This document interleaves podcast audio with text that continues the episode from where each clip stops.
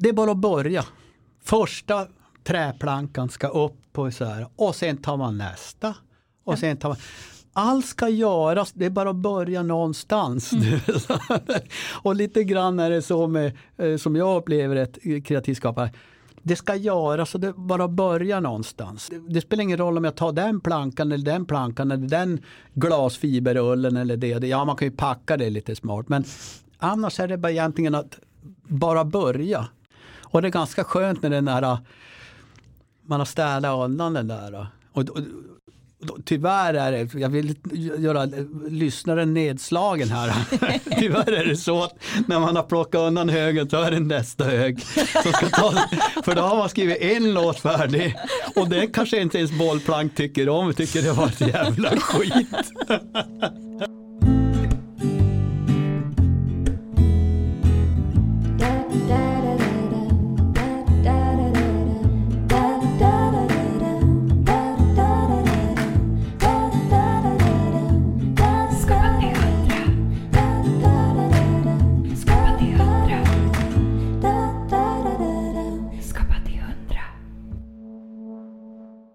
I dagens avsnitt får du veta varför man inte ska bli alltför kär i sina idéer, hur Bo Kaspers odödliga låtar har kommit till och hemligheten till att Bo Kaspers hållit ihop sitt kreativa samarbete i över 30 år.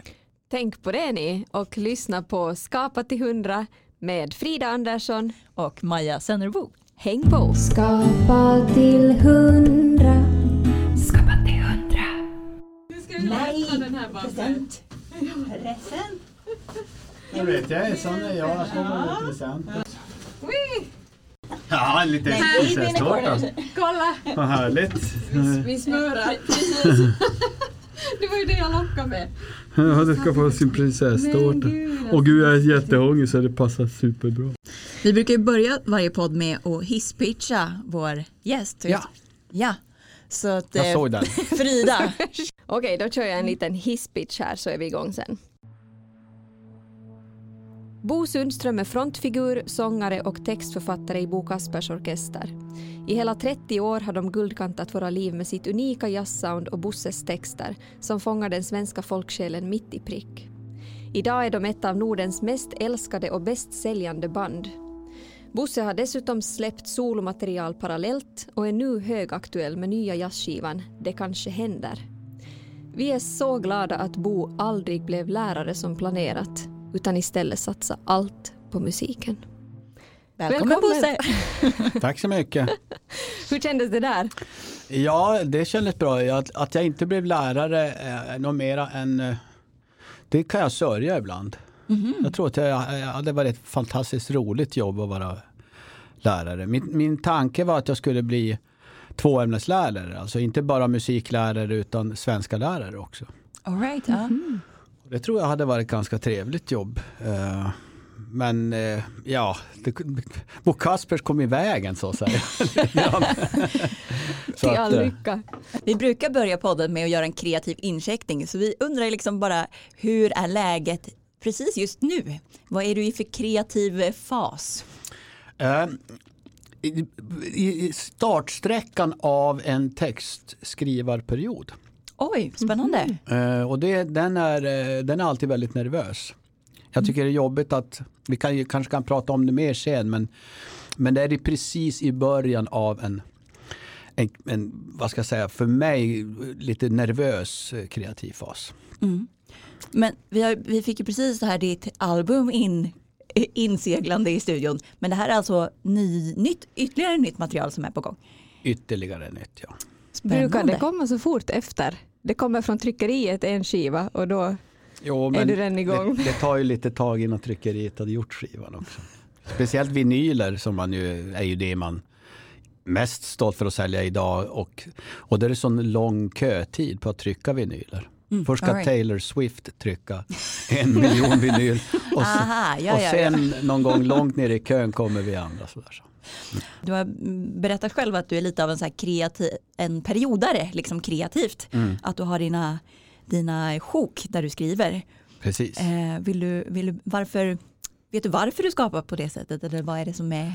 Jag tror det har, för, har med den mentala hälsan.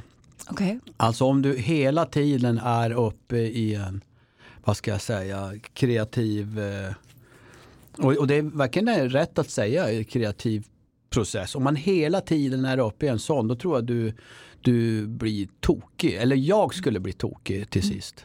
Är det för att du är inne i en bubbla då? Lite Ja, också. och då blir man... Eh, det ockuperar ens tankar och drömmar och det här vardagstänkandet så pass mycket. Så att man eh, lite grann, ja man blir som en prillig professor på något sätt. Man blir väldigt disträ och, eh, och, och också samtidigt så eh, ta, det tar på psyket.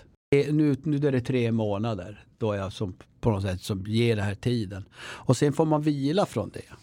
Eh, och då kanske man gör något annat, man skriver musik. Som är en helt annan sak än att skriva texter. Okej, är det just texterna som är liksom Ja, det är det tunga? jobbiga. Ja. Och sen eh, blir det eh, att, att jamma med bandet och spela in en skiva och turnera och sådana saker. Vilket som. Men just när det gäller textskrivandet, då, då funkar det bäst för mig om jag har det i en tre månaders period under vissa ja, delar av Men har du väldigt rutinmässigt då? Stiger du upp tidigt och det är liksom nu sätter jag mig. I wish. Märker du fram de här? Nej, utan, men man blir eh, en, någon typ av, eh, f- vad ska jag säga, rutin eh, är ju bra att ha. Eh, Och jag tror att det kan vara bra att komma ifrån. Att komma till en arbetsplats på något sätt. I alla fall inte sitta hemma. eh, eh, på något sätt. För då är det så lätt att det Ja, jag ska bara kasta in en tvätt. Jag ska bara Ja. ju- ta de räkningarna eller vad det nu är. Sådär. Ja men för du Mm. sa att du, var, att du kände dig lite nervös här för att det är liksom nervöst att börja. Eller vad är det, vad är det som känns skakigt? Ja, jag har liksom? faktiskt kommit igång med, ofta det, kan det vara en låt. Mm. Som, som, att man du kommer igång med, eller med en text som ofta då kanske får någon typ av låtkläder, i alla fall streckgubbe av något slag sådär som man gör. Vad, vad betyder låtkläder? Alltså Ja, men melodi någon typ liksom? av, man, man klär texten i någon typ av musik men det är Ja. inte säkert att det blir den musiken. Nej, okej. Eh, och, och har man kommit igång med en, då är det lättare att komma igång med nästa. Mm. Och nu har jag i alla fall kommit igång med en och tror jag en och en halv. Tror jag. Men vet du när du börjar skriva att om det här blir för ditt soloprojekt eller om du gör det för en Bo Kaspers låt? Eh, Först ska det bara göras en låt. Det det är ju det man inte riktigt vet. Alltså, Det kommer det som kommer. ja, alltså man kan ta det om ni vill höra. Ja, vi, vi vill gärna höra. Det kanske är därför jag är här. Ja. Ja, men alltså, och det här är min, man har, folk har ju säkert olika metoder. Men jag försöker att inte sätta upp en rubrik. Uh, Varken musikaliskt eller textmässigt. Uh, att, att nu ska den här, den här sången ska hand, vara det här och handla om det där. Utan egentligen börjar jag och bara skriva uh, på ett tomt, alltså ett tomt dokument sådär. Och så börjar jag bara skriva och så ser man och så, och så handlar ganska mycket om associationer. Alltså det associerar till det, associerar till det, associerar till det och så kan det det. Jo vänta nu, hade inte jag någon grej i telefonen som jag skrev upp för en, ett och ett halvt år sedan? Du vet sådär. Som din mormor som hade en, en en bra, nu har jag glömt bort det, men din mormor, eller var det farmor som hade en bra Ja, grej? Jag, nu frågar jag Någon dig Frida. orsak ska döden ha. Vad säger du? Någon orsak ska döden Någon ha. orsak ska döden ha. Det där är ett är lysande jäkla cool. Mm. citat. Som jag, har, som jag har skrivit upp, som jag vill- gärna vill använda i en låt. Nu får ni inte sno det här. Eh, och, och det, men det får ju du bestämma Frida. Du får den. Den som hinner först. Men då har man alltså, då, då, finns det, då kan det finnas något tidigare och sen när, när börjar man känna att ja, men nu kan det, börja, det här börjar få en struktur. Det här börjar få någonting, det här börjar bli en vers, det här börjar bli något. Först då gör man copy-paste och lyfter över det till ett annat dokument. Nu, har det här, nu kan det här bli en text eller en, en låt. Om man säger sådär. Men inte att man börjar med att säga Åh, nu ska jag skriva en text och, och första raden på det, det dokumentet ska vara första raden på låten. Utan först bara få ut sig lite massa. Då, för då stirrar den här då stirrar inte tomma pappret på dig ilsket. Utan då får du skriva egentligen vad som helst. Eh, alltså, du kan skriva om din frukost eller vad som helst. Bara det, bara på något sätt man kommer igång och, och skriver. Mm, så nyckeln, nyckeln är att man bara börjar. Ja, och att allt som hamnar på pappret är inte med i slutversion. Det hoppas jag verkligen.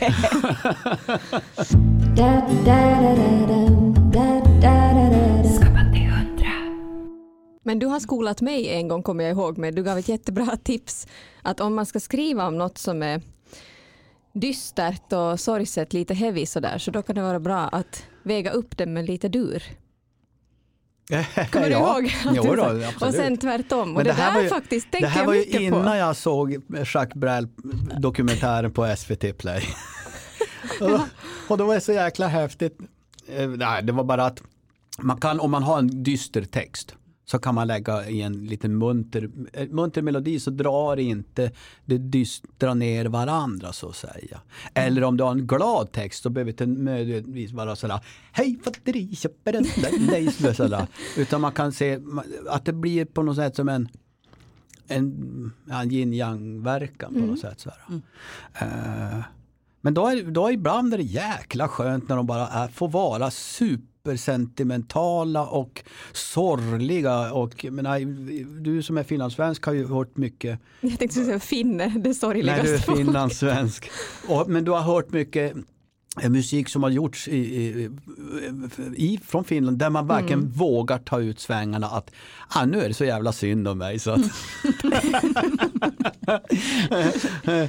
och det är, väl, det är ganska häftigt att, att, höra det. Och vi, som man också kan höra i Jacques Brel som jag då såg på någon eh, dokumentär som var som Ne me quitte pas, il faut oublier, oublier. Du vet så det bara, han Det är inte så mycket fy- dur där. Nu är det så synd om mig. Men det är häftigt att få höra någon som verkligen vågar vara det. Så att det är ju där det är beroende på.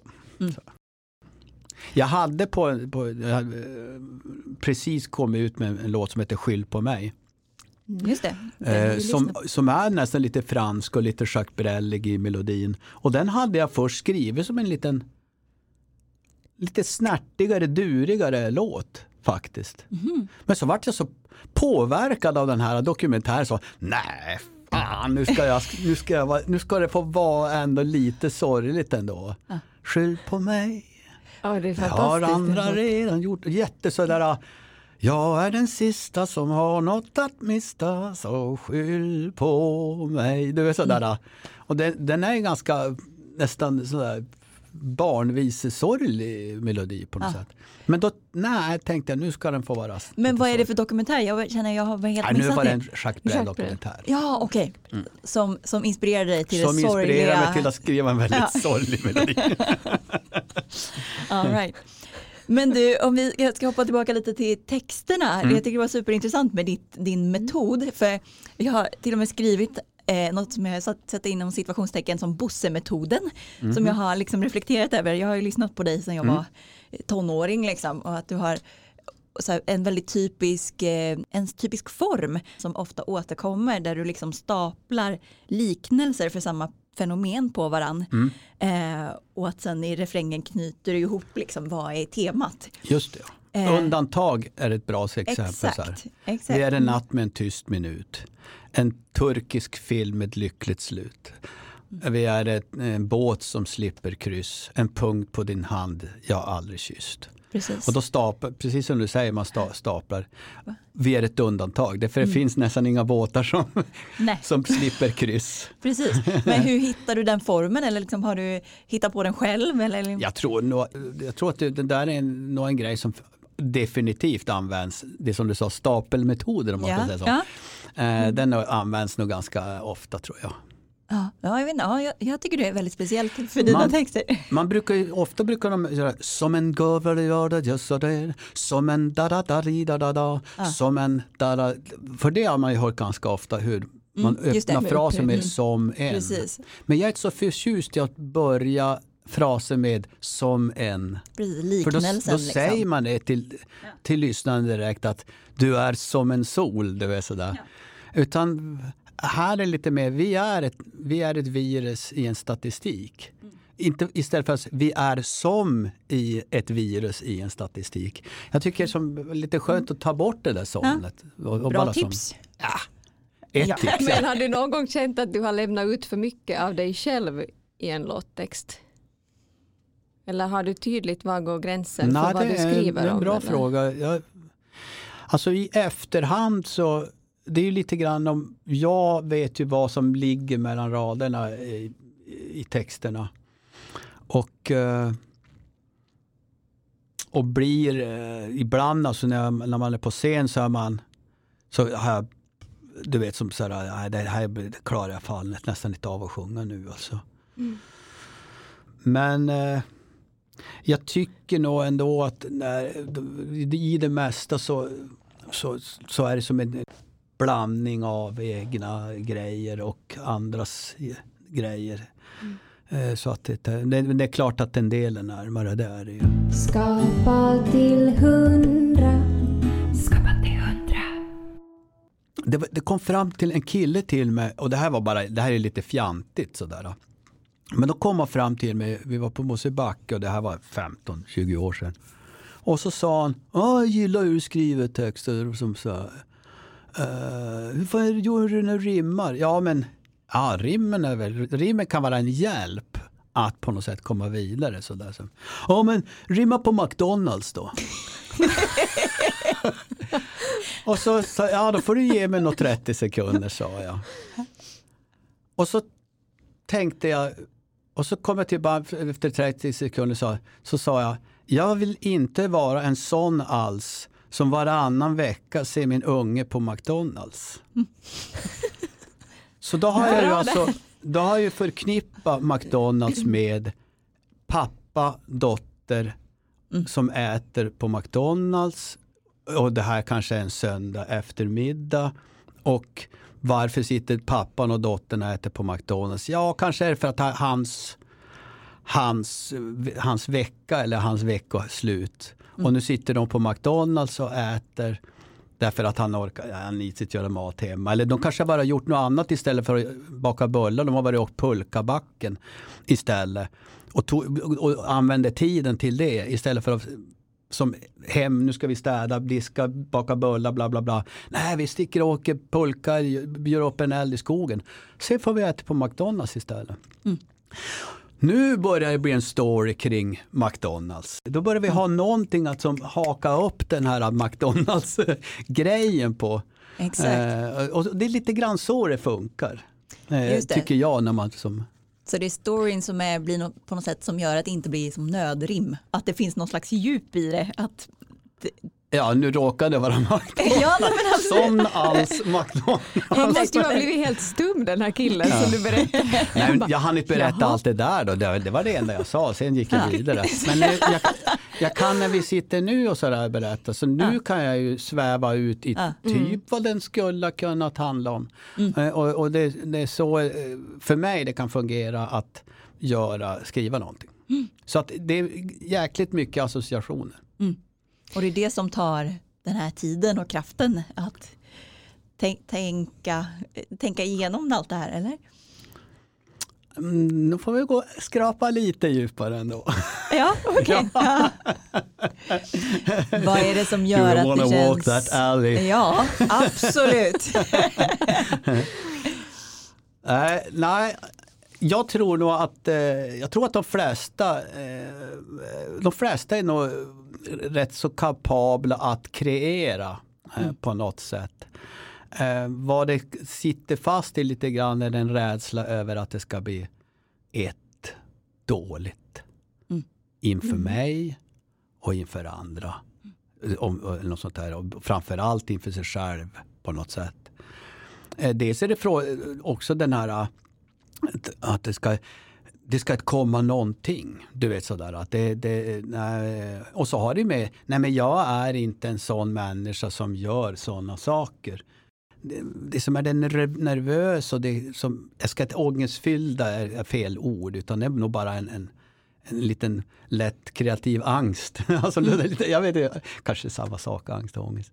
Eh, men det är någonting, ett motstånd ska jag väl säga. Eh, Eh, och den är ju eh, att ta sig över den där, eh, det, det, det tror jag är mycket mindre steg än vad man tror att det är. Men likväl är, kan det vara ett enormt det är som en, ni vet en sån motsatt magnet, det studsar som ifrån och kan man komma som förbi det där så, så tror jag de flesta faktiskt genom att alltså, ge, sig ge sig tid, ta sig tid eh, Så tror jag eh, de, de allra flesta på något sätt som Jag tänker Skulle- på den inre kritikern. Ja, den är ju Lite super när du- jättemycket. Den betyder jättemycket. Och där har det ju också kanske då lite grann om vad man har för bakgrund och hur, hur, hur tilläts man eh, som barn att vara fri i, i sinnet. Och, och det är ju inte att vara bara med föräldrar att göra, det kan ha med, med syskon och sådana saker. Och, Men det där har vi en, en fråga kring. Ehm, din relation till din mamma. Mm. Vad hon uppmuntrar dig mycket. Ja, att skapa? både och alltså. Eh, Hon var en väldigt stark kritiker och det var, det var inget sånt där så att jag, jag har ju själv haft barn nu som bara börjar bli äldre nu. Eh, De är 24 och 17. Men, och då kom de sådär med teckningar och det var ju så såhär, åh jättefint. och så kom de med en till teckning. Och, och det Kan du rama in den här? Ja, ungefär. Ska vi rama in den? Och, och, och då, vet, då har ju vänner och eh, sådär och kanske man känner andra föräldrar som Åh vad fint, det är så, det är så toppenfint och upp med allting på kylskåpet och det är som på något sätt som, här är vi Picasso i en det vill säga. Som varit mamma. Utan hon var ju som sådär Jaha. Ja, f- ja, men först skulle man ha gjort, man må, må, ritade en djungel och du är sådär. Och så var det så här, alltså, men det här var ju jättefint, sa man. Ja, då gick man och målade en till djungel. och det där, det där sa ju de mamma, man har ju målat en till djungel, du får göra något annat. och någon gång skulle vi sluta sätta den där solen i hörnet, rita solen på himlen, du vet sådär. Alltså. Sådana där grejer. Så. Och, och jag har skojat lite grann med att, att det fanns ingen sån här med morsan, någon sån här grej att, det fanns, att man skulle räkna med att få hennes, hennes tum, thumbs up, du vet sådär. Utan det, det var som, hon var ganska eh, ärlig, skulle jag väl tro helt enkelt. Ja, men det här var bra, det här var det här var mindre bra. Det var ju från- sen när man var i tonåren och hade skrivit något, du vet sådär med bandet man hade då. Ja, då tycker du kunde göra bättre. För den här texten var väl sådär, var väl inget vidare. Men ni, ni sjunger ju och spelar bra. Det är roligt att ni håller på ungefär sådär. Så att jag... ehm, Detta om att, att komma från en bakgrund när man har, eh, vad ska jag säga, väldigt eh, supportive. Sådär. Jag tror ju alltid att det ska vara som, åh allting du har gjort är jättebra. Så. Men det där vet inte jag någonting om. Precis, men för vi pratar ju om den, den inre kritiken. Eh, liksom, vad, vad känner du, vad har du fått med dig liksom, från din bakgrund kopplat till det? Alltså just synsättet på ens egen kreativitet på något sätt eller ens egen skapande. Jag tror nog, jag har en ganska trygg uppväxt framförallt. Alltså det är ju, mina föräldrar var gymnasielärare i, i, i Piteå. Och med det har man fått en ganska rätt bra självkänsla. Alltså en, en, trygghet i sig själv att världen går ett under för att det, det finns ett skyddsnät helt enkelt. Vi, vi, var ingen rik familj men en medelklassfamilj. Massor av kompisar. Eh, med ett starkt socialt, alltså min eget gäng, alltså Piteå-gänget så att säga. Och det har ju funnits en jäkla trygghet i det där och det, om man skulle då råka eh, totalt göra bort sig där, misslyckas där, eller som, att en, en någon karriär skulle inte fungera där. Ja, men, världen hade gått under och det i sig är väl kanske en trygghet att på något sätt eh, i alla fall pröva igen. Och funkar inte det så prövar man igen. Vilket jag verkligen har gjort. Jag har prövat igen och prövat igen och sen, nej det här funkar inte. Och så har man prövat igen. Och så ser man vad som händer. Precis, så det där med att din mamma sa att solen kanske inte behöver vara i hörnet. Precis. Det var ändå en positiv Det var grej. kanske liksom. inte... det var inget djupt trauma. Nej, just det. Nej, det var det inte.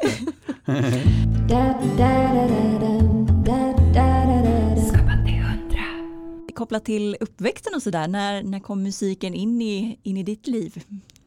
Eh, har alltid varit med.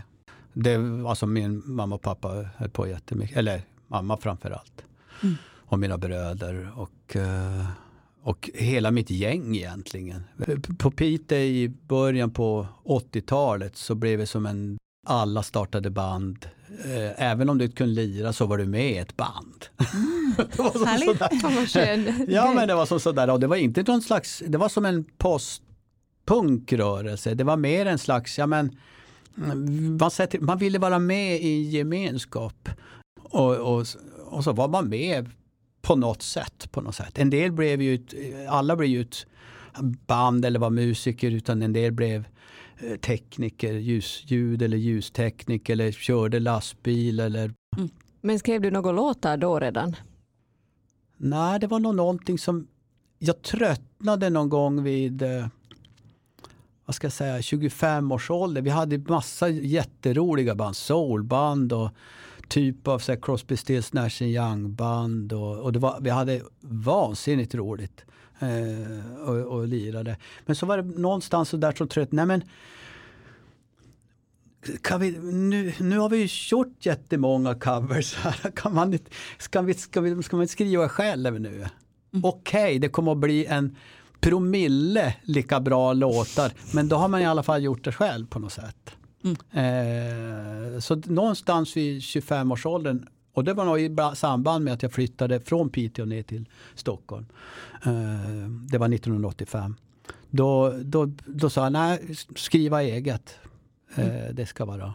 Sk- Att skriva själv är som på något, en större, tillfre, större tillfredsställelse på något sätt. Även om det på något sätt som eh, låter hej och hå. Precis, men tänker allt, allt man börjar med blir väl lite hej och hå så här första gången.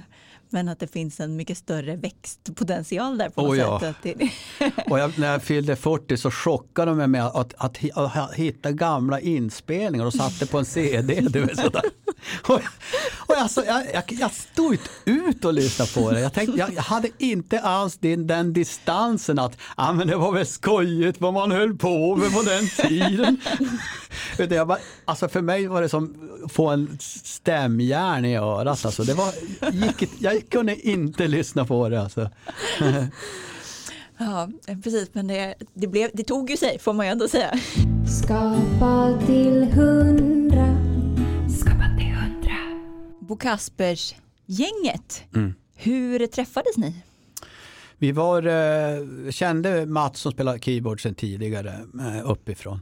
Sen så när vi när jag kom ner så jag startade något band här nere i, i, i, Stockholm tillsammans med Erik Westin heter han. Vi var ju ett förband till Orup på hans cowboyturné. Och det var, det var ju skitstort. Och jag, vi hade satt ihop ett gäng och hade lite sådär hugg på skivbolag och fick spela in en singel och fick åka ut på förbandsturné. Eh, och det lät för jävligt kan jag tänka mig. Men vi jobbade ändå på och, och, så det fanns ett gäng låtar och texter som senare eh, överfördes till den första Bo Kaspers-plattan. Några av de texterna, det går en man omkring i mina skor och kyss mig och lite andra grejer, överfördes till ett alltså lite mera orgeljazzigt eh, mood. Och då fungerade de där grejerna eh, jättemycket bättre. Då kändes det som, ja fan, det här är ju det här är ju coolt. Ja. Och då, hade, då fanns ju ganska, då, kanske då en del material och tänksätt, tänkesätt som så här, nu har, man hittat ett gäng där man kan få utlopp för en grej som jag hade tänkt faktiskt. En, en Tom Waits-aktig typ av jazz någonstans. Fast i ett litet svängigare part, mer partymode eller något sånt där. Precis, hur, och det här soundet det skapades liksom av era, er, ni olika personer som Ja, sammanfördes? och eller våra liksom? olika bakgrunder och sådana saker. Ja. Det var också lite, tiden tillät det på något sätt. Det, var, det började bli lite hippt med lite, lite jazzigt igen. Alltså om vi tänker för oss från ett 80-tal så började det komma in att nu fick man som bara jazzig på riktigt. Eh, Fast det gärna in, inkorporera lite klubbrytmer eller samplingar och sådana saker. Kommer du ihåg första konserten ni hade? Jo, Vad var det? Det var på Norrlands nation i Uppsala. Och vad, hur kändes det efter? Är det det du kommer ihåg? Nej, jag tyckte nog, eh, jag tyckte nog på något sätt att jag fick en sån känsla av att det som vi hade, den, den stilen med då, tex- svenska texterna på med det lite klubbiga, jazziga. Då känns det som, ah, vad fan, nu, nu har vi väl hittat rätt med någonting.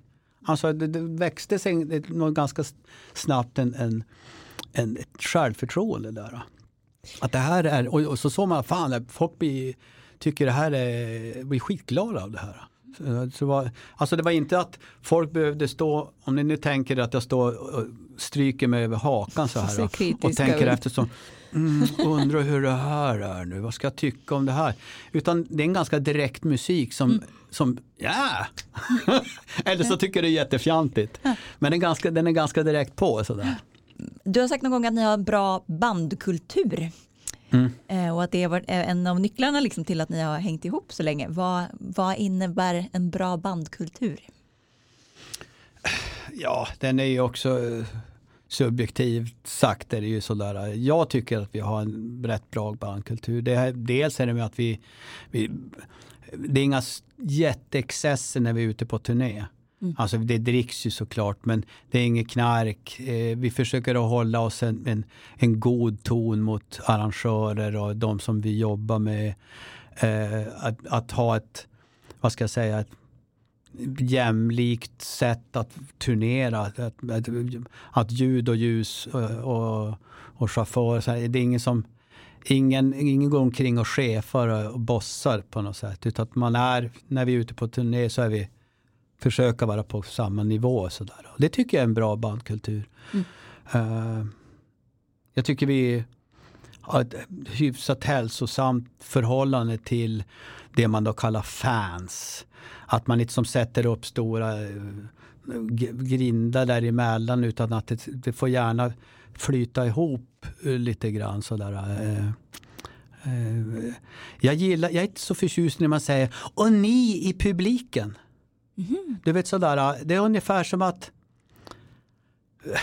Vi och ni. Ja, någonstans är det på något sätt som att eh, jag är här på scen och där är ni i publiken. Jag vill som på något sätt att nu är vi här i lokalen.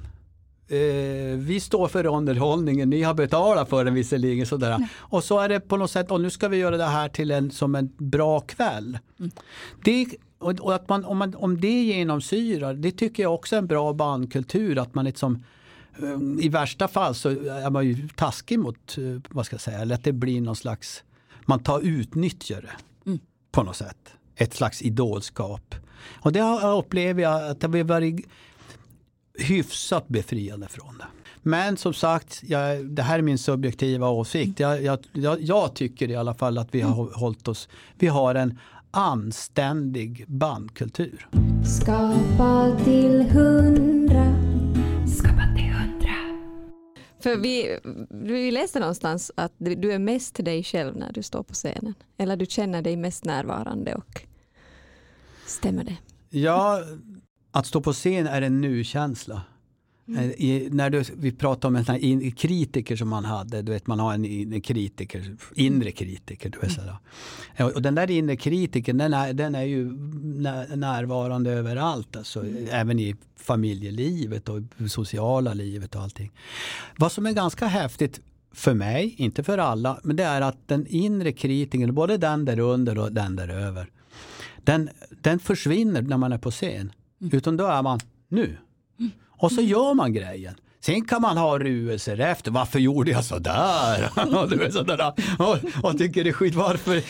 Jag kanske skulle ha sagt det där i mellansnacket eller något sånt där. Eller någonstans, åh jag kanske skulle ha varit lite coolare där, lite mera hippare, coolare där istället för, du vet sådär. Men inte under. Utan under eh, konserten då är du väldigt mycket i det du gör just nu. Och det tycker jag är, är, är jävligt fränt. Eh, Jag vet att inga jämförelser i övrigt men Ingemar Stenmark kan, han, han sa här bara åk. När de frågade hur han, hur han gjorde. Där, och så också åkte han och så kom han inte ihåg hur åket hade varit. Så kom han ner, hur kändes det Ingemar? Fan vet jag. Jag bara åkt. Sådär, därför han har varit inne i det under åket. Eh, och det är lite grann samma sak eh, med, tycker jag, en konsert.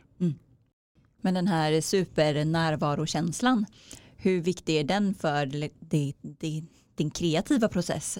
Alltså hur viktigt är det? För jag tänker att där har du också en mottagare, alltså där är ju publiken väldigt påtaglig. Mm. Är det liksom en drivkraft i? Jag har ju en mottagare i mig själv också. Ja. Därför att det är ju det som då sen är resultatet av det som man har eh, suttit och skrivit ihop eller knåpat ihop och producerat ihop och spelat in. Det är sådär. Sånt där. Så då är, jag, då är ju även vi mottagare när vi börjar och ska spela det live. Just Eh, bandet tänker du? Eller? Ja, Ja. bandet är definitivt mottagare. Mm. Och då kommer belöningen.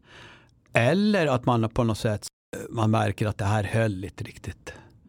Tanken var nog god men det här är fan urbåtat tråkigt att spela. Det är inget kul och jag ser, märker ingen reaktion ut. Men processen i sig har på något sätt hunnit gå så långt och gått, hunnit gå igenom, du vet som sådana här eh, gatekeepers. Så, så att det, det, nej den bara, hur fan kom den här låten med? Ja. Den är ju värdelös. Jag, jag inte nämna någon men, men det, är, det är några som är riktiga riktigt dåliga låtar. Men absolut, och i den kreativa processen så finns ju hela tiden den här, eh, vad ska jag säga, moroten framåt. Men om du presenterar en ny låt som, som du har gjort för bandet Mm. och så har ni alla lite olika visioner. Vem, vem har sista ordet? Ja, då, då får man väl tyvärr ibland kompromissa. Mm. Eh, Jag tror att en del låtar hade blivit bättre om de inte hade blivit kompromissade. Mm. Det är jag helt övertygad om. Jag tror att i en del fall så har jag verkligen en låt som hade varit en sisådär låt blev faktiskt ganska stor. Tack vare att någon annan kom med en och drev en, en annan idé som gjorde att, att det och det hände med låten. Sådär. Så det, det är nog både och. Precis, för, men, för, då, då kommer du med en text och en melodi, eller? Hur, hur mycket? Ja, ganska ofta både en text och melodi. Ja. Och vad, vad sker sen tillsammans? Vad, har ni, vad är er kreativa process i bandet? Liksom? Ja, det är lite olika på olika låtar.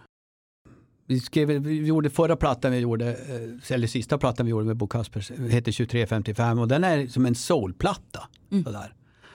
Och jag har, inget, jag har inga skills när det gäller att Alltså det är en rytmiskt jävla missfoster. Alltså, jag, jag kan som, sådär. Däremot kan jag spela upp, jag hade någon idé som jag skrev, eh, eh, faktiskt den skrev jag fan i mig i realtid. Alltså det tog mig sex minuter att skriva texten. Det rullar på heter den. Det rullar på nu, precis som jag vill. Om du har fötter utav sten då står du still. Eller ett hjärta av frigolit. Sådär. Och då hade jag den som början hade jag den som en them. Jag kallade låten them. Okay. För jag hade någon slags grej, så, them, alltså det bandet som Van Morrison spelade med innan han, eh, innan han ja, blev Van Morrison så att säga. Och de hade som en speciell, lite sån där, eh, lite speciell stil. För det, vi gjorde inspelningar med det och det lät, svängde och lät skitbra.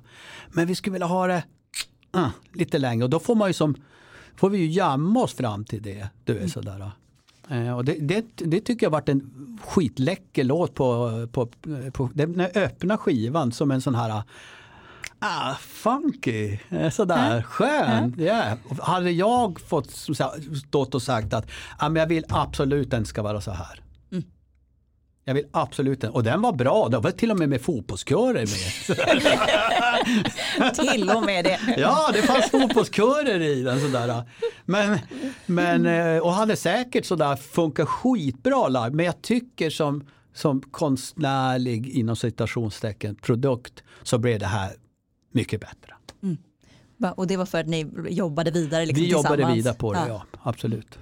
Men eh, ni har ju i 30 år hållit ihop. Hur, hur gör man det? Eh, Det är långt förhållande. Ja, men det, där kommer vi då till den här processen som vi pratade om, just det här med att man man, bör, man kommer med en streckgubbe, vi ska göra en låt, vi ska klä den på något sätt, vi ska styla den.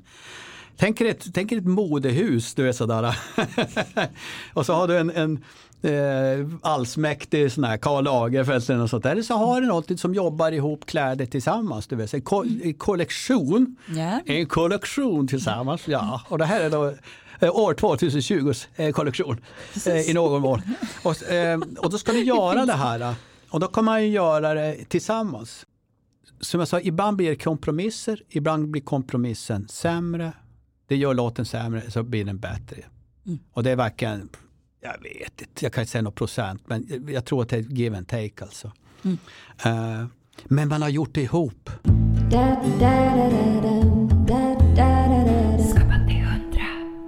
Nu undrar jag om jag ska, när ska vi ta Fridas fria frågor? Ja, men du kan eh, fri, frida iväg höll jag på att säga. Jag börjar redan lite på dem. Det första här till exempel, du har sagt att du skulle gilla att jobba som diskare på en restaurang. Och då undrar jag, hur kommer det sig? Därför att det är ett ganska, jag har gjort det. Du har gjort det? Ja, och jag tycker det är ett ganska trevligt eh, yrke. Därför jag tycker det är kul att, att, att, att diska. Man jobbar undan och så låter man det växa upp lite tallrikar och grejer. Och in i maskinen. Så. Så tillfredsställande att man ser att det blir rent. Ja, gud. Jag tycker det är skönt och, och så får det byggas upp och så får man undan. En lite mer privat fråga. Vad är det viktigaste som din fjälla har lärt dig? Hon har fått mig att skärpa till mig lite grann med både alltså, idrott vara mera fri, friluftsliv, vara lite sundare, dricka mindre framför allt. Och du Eh, springer ju faktiskt Och så, och så springer jag nu och så, ja, men, det är sån där, jag har blivit en, jag har, kroppsligt sett så är jag friskare än någonsin faktiskt. Och det tycker jag är jätte, jätteviktigt. Vad har jag till här då? Jo, men jag skulle vilja fråga dig om, om ditt korsordande. Jag vet att du löser mycket korsord och löser- svåra sådana. Och då Ja. tänker jag, dels ger det någonting till ditt låtskrivande? Jag tror att jag ger det- vad ger det till? Att lösa korsord är att, att lite grann hålla det, associationer igång. Eh, Eftersom jag sa att, att eh, skriva texter har ganska mycket med associer, associerande att göra. Eh, och det hjälper till med, absolut med det. Att hålla som de synapserna levande på, eller igång. Så och sen är det för mig ångestdämpande, definitivt. Jag satt på min mors dödsbädd eh, några dagar och det var fruktansvärt. Och jag och pappa satt och pappa löser också korsord. Fast jag löste ett korsord då. Så då satt vi och löste korsord i två dagar. Eh, och det där, eh, sen dess har jag blivit som lite grann, har det blivit en slags eh, som en nall, gossefilt. en sån där gosedjur som man tar till sig för att man som, ah, men nu vill jag bara som Men du kopplar ner systemet på ett sätt också kanske? Både och, fast utom det där då. Utan, Men det, jag, jag märker ju att jag tar min tillflykt i det när jag så fort jag blir lite nu, har- nu har jag Bosse tråk, jag är tråkigt nu. så nu. Så nu måste jag göra någonting, ja men lös ett korsord då för fan. Skapa till hundra. Skapa till hundra. Jag, jag tänkte lite på, för du har ju eh, släppt några skivor i eget namn Jo, också genom åren. Till exempel Mitt dumma jag från 2018 eh, och nu då din det kanske riktigt händer. pinfärska Det, nya det kanske vinyl. händer Hedena. Det kanske händer. Eh, och då undrar bara, att hade det varit viktigt för dig att göra dina egna grejer ibland? Jag tror att det kan vara viktigt nog bara för att som, få vara lite grann för sig själv någon gång. Det är inte att lämna kollektivet men ta en paus från kollektivet. För att det ska bli roligare att fortsätta. Och att det finns ju en stor efterfrågan på att du ska göra, Nej, det, nej, Eget. nej faktiskt noll i tror alla jag. fall härifrån. Jaha, egentligen är det kommersiellt helt, helt idiotiskt att göra det. Men, men det är rätt nödvändigt. Alltså jag känner att det är jättekul. eh, Och med, med jazzbandet har det blivit också lite grann att jag får jag får spela på ställen som är lite svårt, för nu låter det som att Bo Kaspers är skitstora, men det är lite svårt för oss att spela på en, ett ställe som till exempel Kackelstugan på Öland, som är ett litet mindre ställe. Men med jazzbandet kan vi komma dit. Då, blir det, då är det precis lagom. Eller Hermans Lada som ligger i Göten eller någonstans där. Det, det är så här van, fina, eh, fina, du har ju varit där. Eh, skitfina ställen men svårt för Bo Kaspers att komma dit. Och det är jätteroligt att få, få då, så här på ålderns höst komma till nya ställen. Precis, men det känns ju också som att det är en investering liksom i, ditt eget kreativ, i din egen kreativa lust att liksom by, just byta miljö. Och jag kan tänka mig att då blir man, kan man bli, om man fått göra Mm. något annat så blir man, kan man också bli sugen på att fortsätta. Liksom. Ja, och det är att, att översätta eller översätta att, att göra adaptioner på, på gamla jazzstandards. Vilket det ju är. Som du gjorde mer- på din platta 2018 va? Just det ja. Yes. Det som är Mitt dumma jag, det var ju My Foolish Heart. Ja. Men den heter då Mitt dumma jag. Där. Eh, och, och den nya då, det, det kanske händer ikväll, It could happen to you, heter den. Ah, det är också jazzstandard. Det är också jazzbandet, alltså. ja. Mm. Och, och där lär jag mig fantastiskt mycket om hur en låt är uppbyggd. Man som, jaha, de, de, de tänker bryggan på det här sättet och det och texten går och så, så gentemot det här och du vet sådär. Sen så gör man ju som en egen version av, av, av den engelska texten. Men man lär sig enormt mycket eh, om, om Ja, och jag har lärt mig mycket om hur det hjälper sen, sen när jag ska skriva eget, alltså till Bo Kaspers. Så, så har det ju hjälpt jättemycket märker jag. I, eh, och framförallt att jag får jag, jag, det, det bygg, byggs upp en lust att sådär, du vet som, åh jävlar vad bra det där, nu måste jag också skriva. nu, nu, nu, blir det- som när man hör en bra låt på radion, vet, då blir, den måste nästan stänga av för att ah, jag måste sätta mig och skriva något lika bra. Eller i alla fall, nu vill jag också. Sådär, Ja. så. Ja, Så det har varit jättekul med, med, med jazzbandet på det sättet. eh, Att, eller att göra de här vers, versionerna på. Precis, för det är det som du har gjort nu med de här jazzskivorna, att du har skrivit är nya texter på de flesta. Ja. Bara så vi förklarar för lyssnarna om man inte har hört dina eh, det. härliga skivor. Det finns på Spotify. Ja, det finns på Spotify, bara gå in.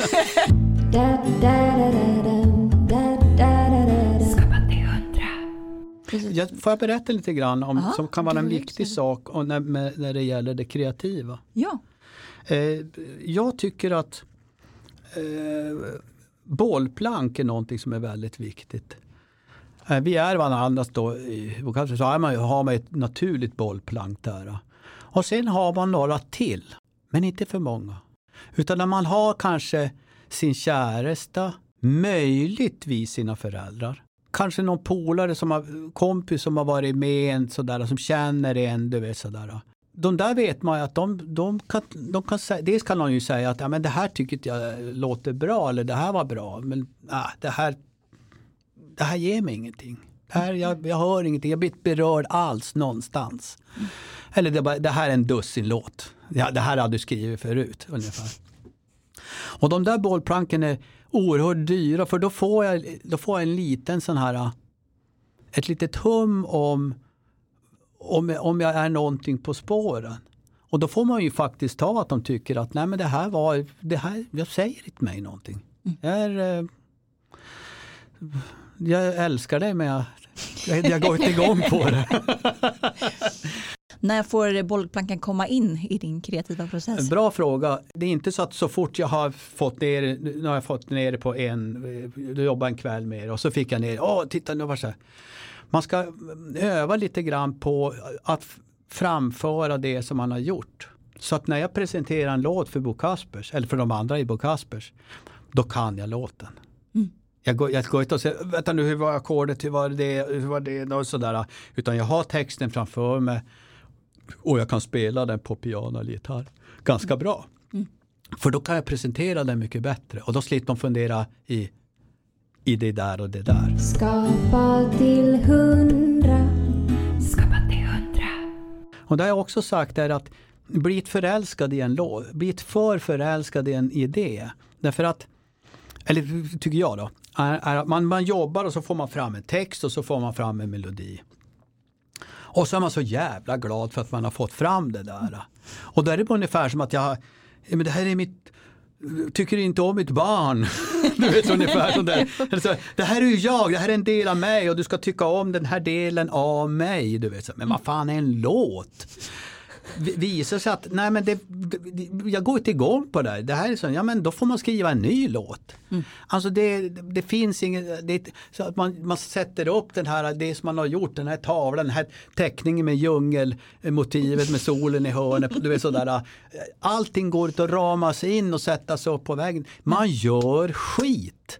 Och sen så kan- kanske man sållar ut och så, så, så blir det på något sätt som bra eftersom, eller så arbetar man om det och gör att man sätter in kanske en annan melodi eller en annan ett annat annars tänk, du vet sådär.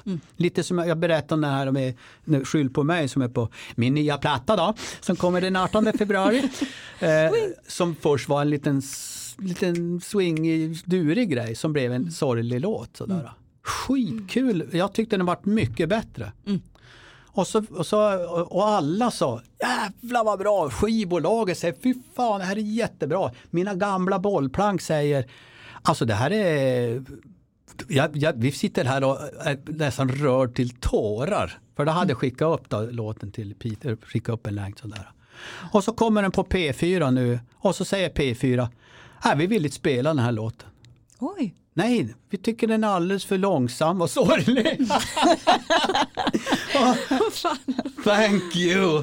Så att, eh, och, och, jag, jag tror inte aldrig jag, vi har släppt, jag har släppt, en- har släppt en singel som inte har blivit spelad. Alltså, att, att, att de, är, sin- de är en liten spelare. De hade inte sett Jacques Brel. då. Nej men det kan vara så också. Eller så bara som, och så kan det vara. Och lite deppigt ska jag säga att det är. eh, Som fan. Men var inte bli för förälskad i dina, eh, dina alster om man då säger så. Det går att göra nya alster. Och det kan visa sig att ditt alster är fantastiskt bra. Bara du själv som sätter upp det på den här, eh, vad ska jag säga, det, det står och faller med det här. För det gör det. I alla fall inte om man ska vara en kreerande människa så står det och faller med just den här grejen. Ja, jag tänker att det finns olika parametrar där i, liksom, om man säger så här, vad som är framgångs, eh, vad är framgången om du kände och ni liksom som spelar kände att så här, wow, det här blev mycket bättre, nu tog vi ett kliv till. Att då kanske, det är ju också en seger och en framgång på något Absolut sätt. och jag, jag skulle eh, jag, jag skulle göra, alltså, jag, jag, tycker det är en, jag tycker en jättefin låt. Och eh, jag, jag, nu blir jag istället, nu kommer man vilja bevisa från scen och sådär. Men vad fan det här är en bra låt.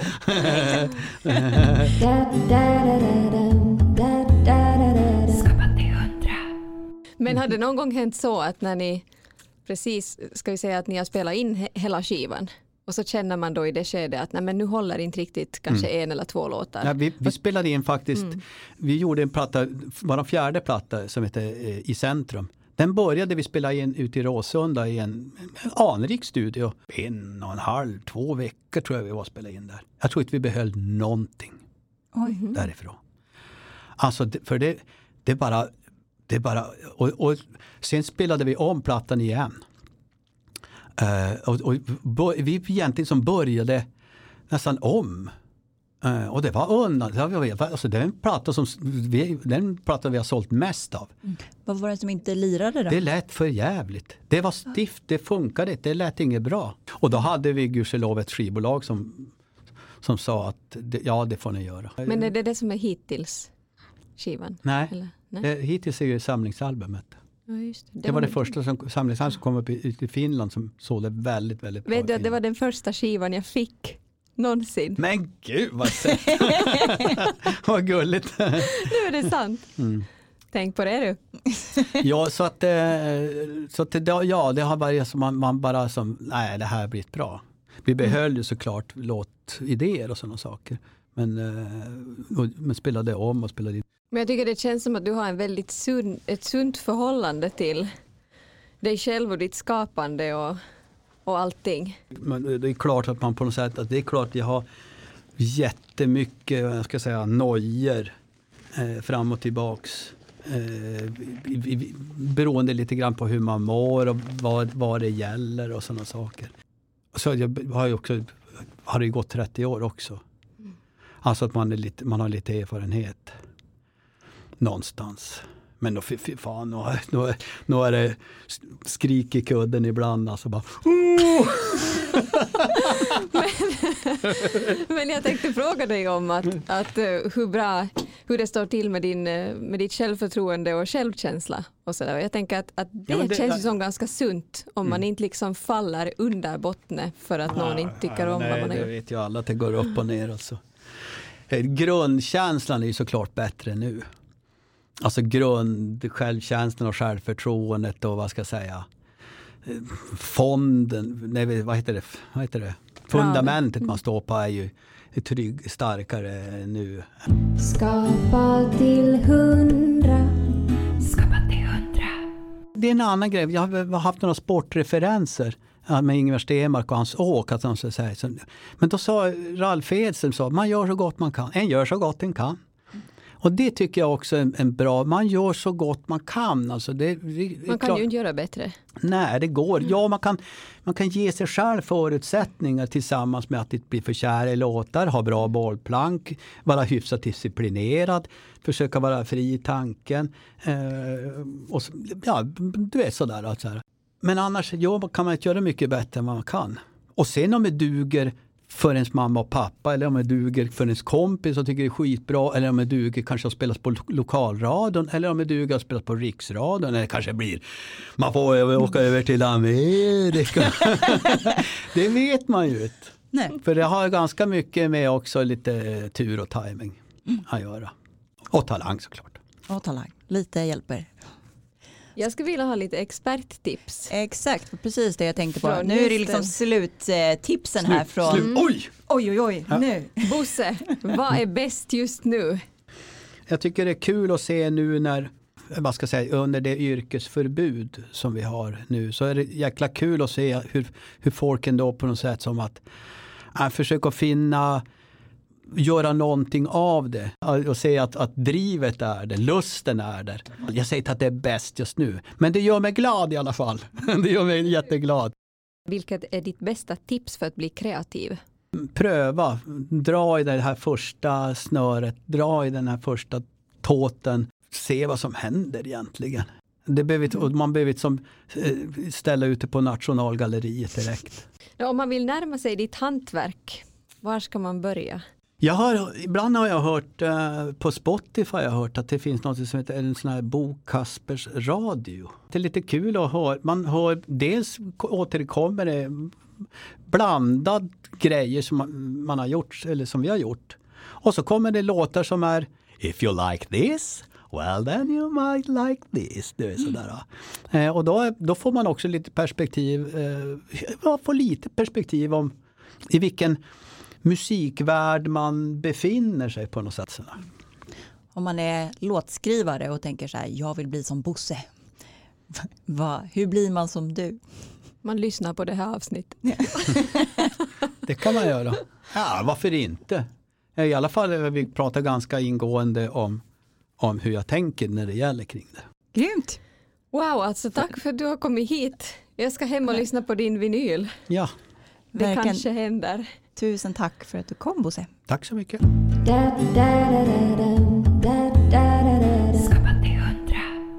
Vilket sjukt bra avsnitt med Bosse. Jag blev så sugen på att hem och skapa. Ja, verkligen. Och alltså, så här är det ju också att det är en av de första skivorna som jag minns att min pappa kom hem med, han jobbar på radion, eh, och kom hem med Bo Kaspers skiva och Mm. eh, som jag lyssnar på.